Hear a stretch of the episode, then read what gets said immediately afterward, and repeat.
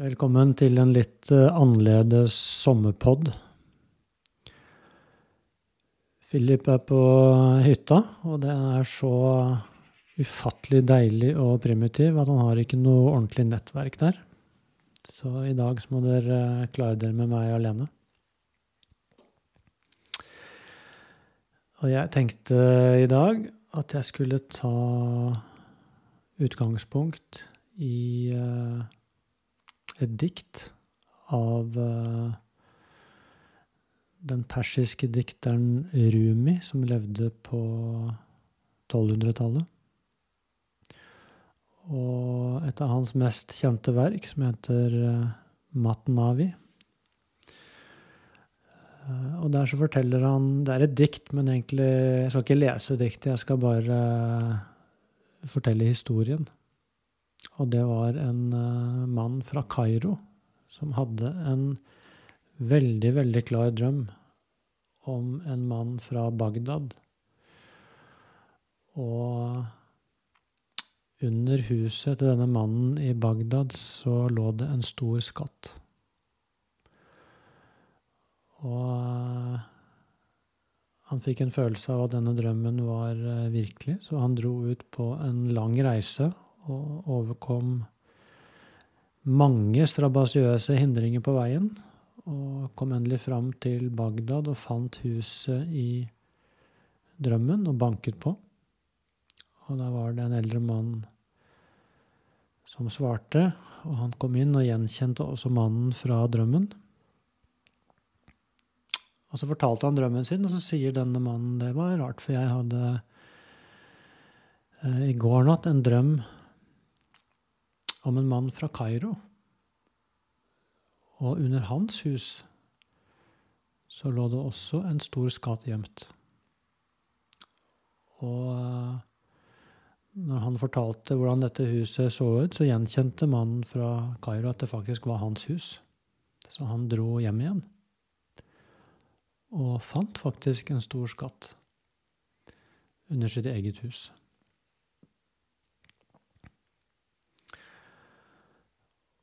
Og det er nok en versjon av Må vel nesten si den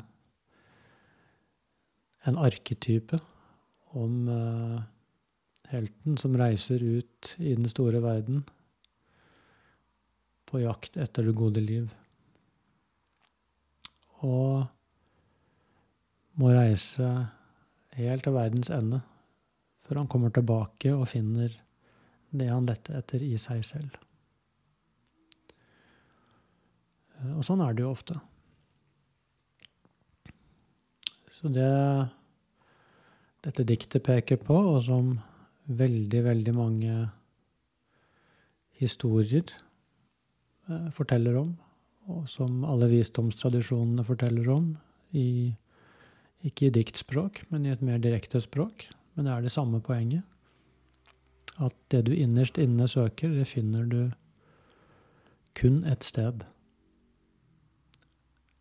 I deg selv.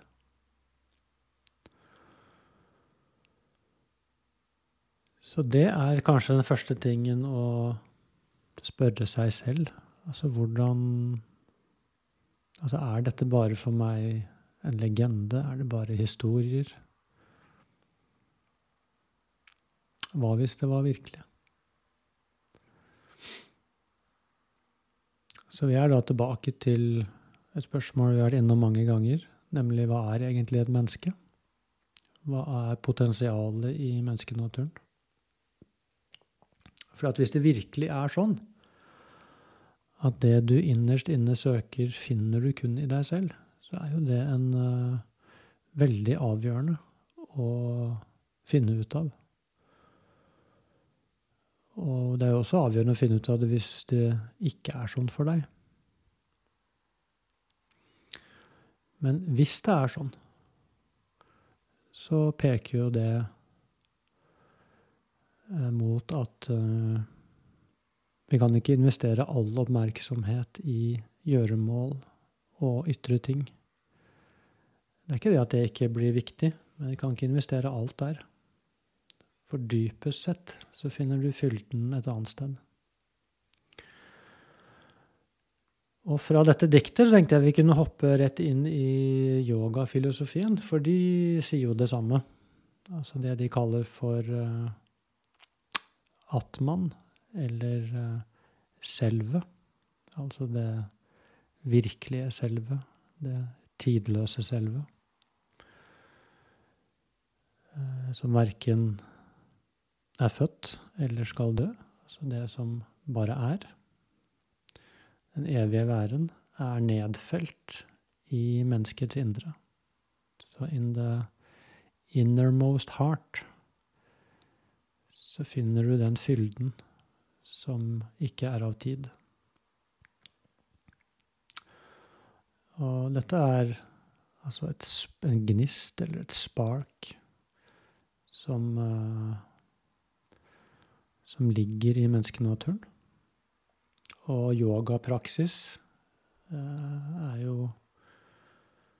eh, laget for å vende oppmerksomheten innover og begynne å henvende seg mot eh, dette virkelige selve. For at jeg skal kunne bli bevisstgjort. Så er det yogapraksis egentlig handler om. Og så sier de da at det er fem hindringer som også ligger i sinnet. Fem tendenser i sinnet som trekker oss bort fra den skatten som ligger under eh, huset til hver og en av oss.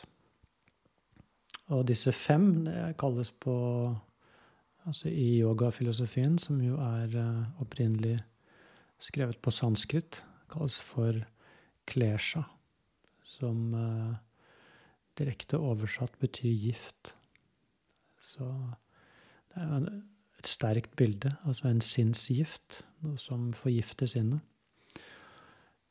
Men uh, du kan like gjerne kalle det en hindring, altså noe som gjør at oppmerksomheten vår trekkes alle andre steder enn mot den fylden som vi bærer i vårt indre.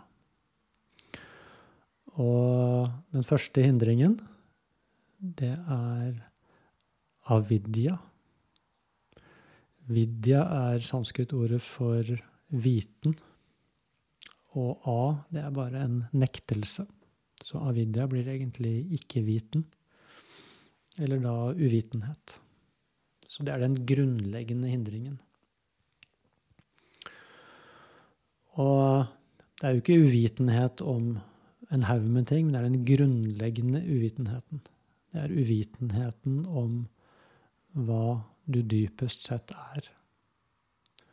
Uvitenhet om den skatten som ligger i ditt indre. Uvitenheten om den fylden som alltid er der. Så, så på en måte så er det alle hindringers mor. Det er den uvitenheten som bringer oss da rett inn i den andre hindringen, som er uh, asmita, som jeg tror direkte oversagt ville blitt kalt jeghet, eller på engelsk I amness. Så denne Så på grunn av uvitenheten om min egen fylde, og den fylden, den, uh, den har jo ingen distanse til livet. Den flyter med all annen eksistens. Men i min uvitenhet om det, så får jeg denne opplevelsen av at jeg er en isolert enhet. Så er det da dette jeget som står i kontrast til alt annet.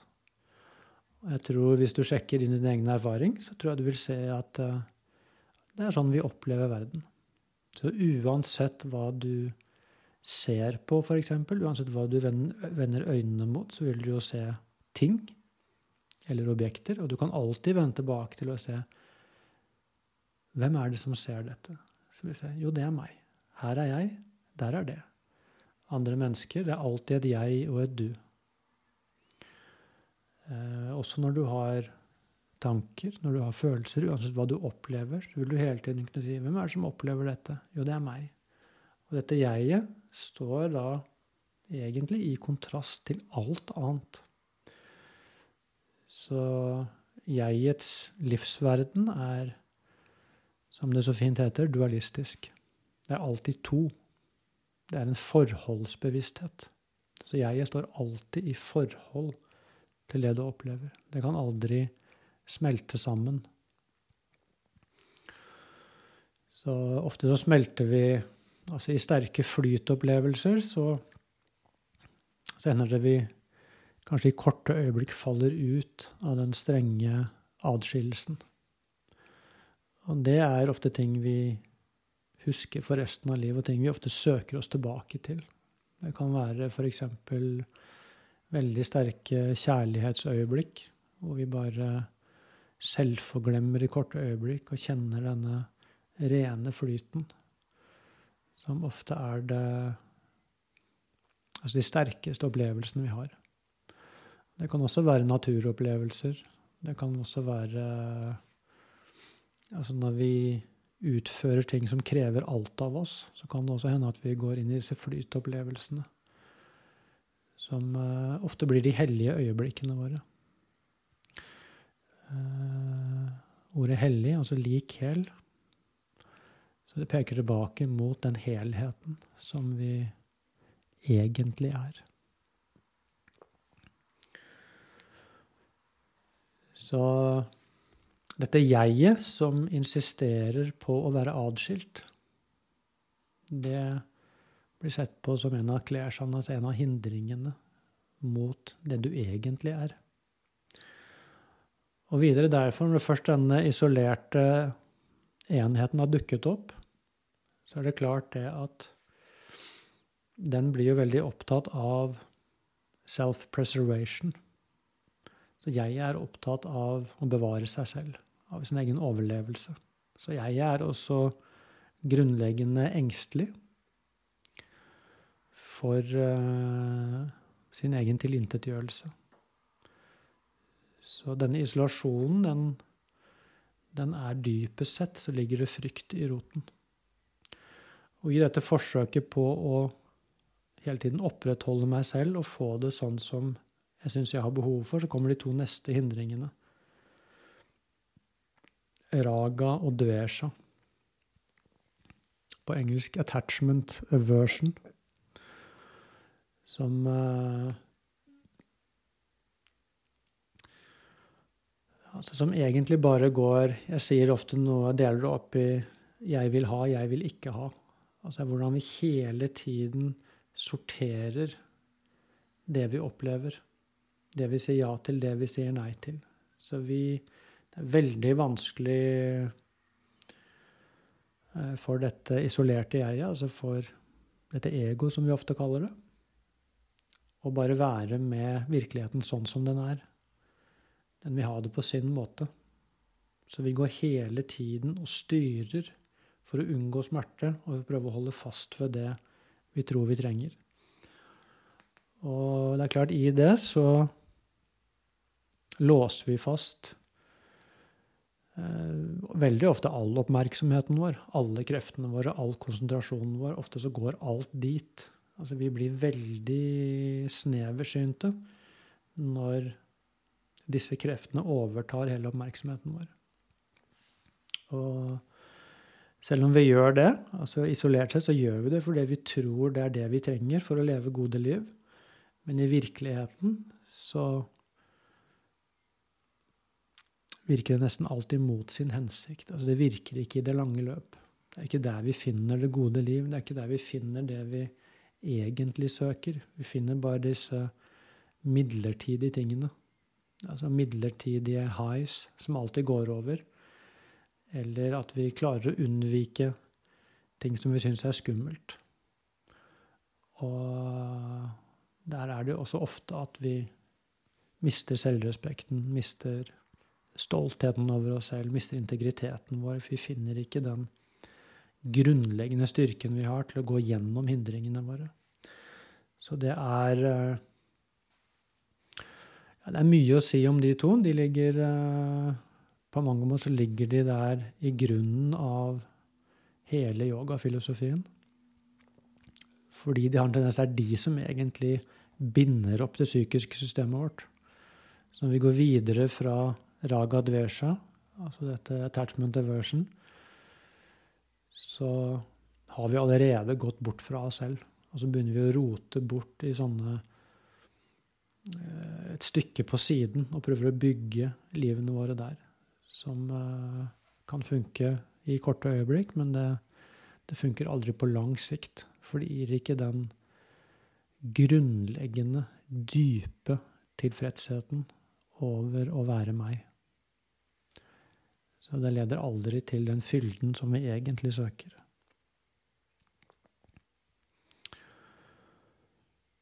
Og den siste av disse fem hindringene, abinivesha på sanskrit, som ofte oversettes med frykt for døden. Og Altså alle disse fem krever egentlig at vi prøver å trenge gjennom ordene og se hva er det dette Jeg skal prøve å se dette i et visdomsperspektiv. Hva er det de peker på her? Og jeg har i hvert fall møtt ganske mange på min vei som har fortalt meg at uh, det var først når de konfronterte sin egen dødelighet, at de turte å stirre døden rett i øynene og ta inn over seg at dette er en del av livet.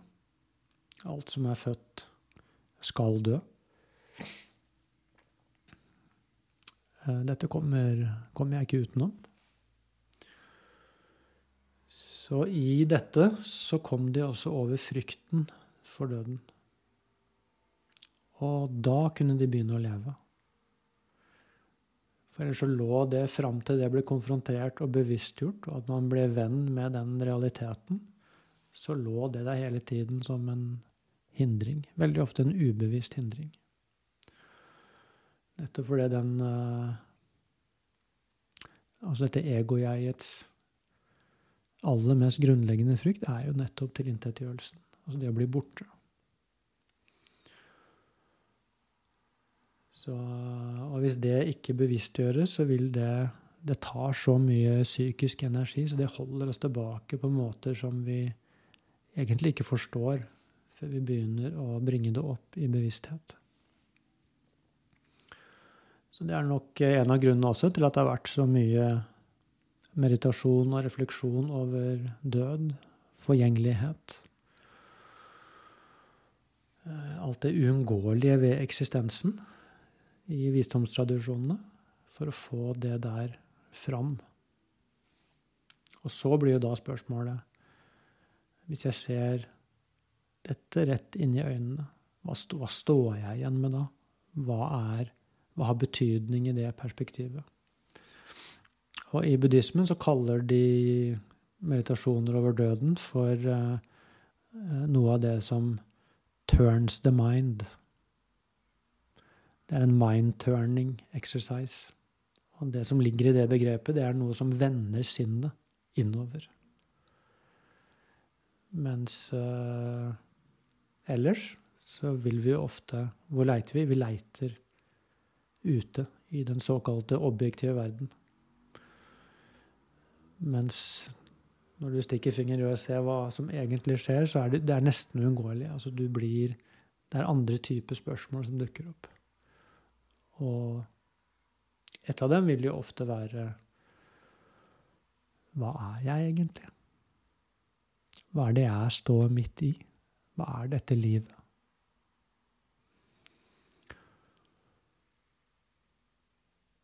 Og det er jo gode spørsmål å ta med seg inn i sommerferien. Så det var uh, dagens lille refleksjon over uh, det gode liv. Fortsatt god sommer.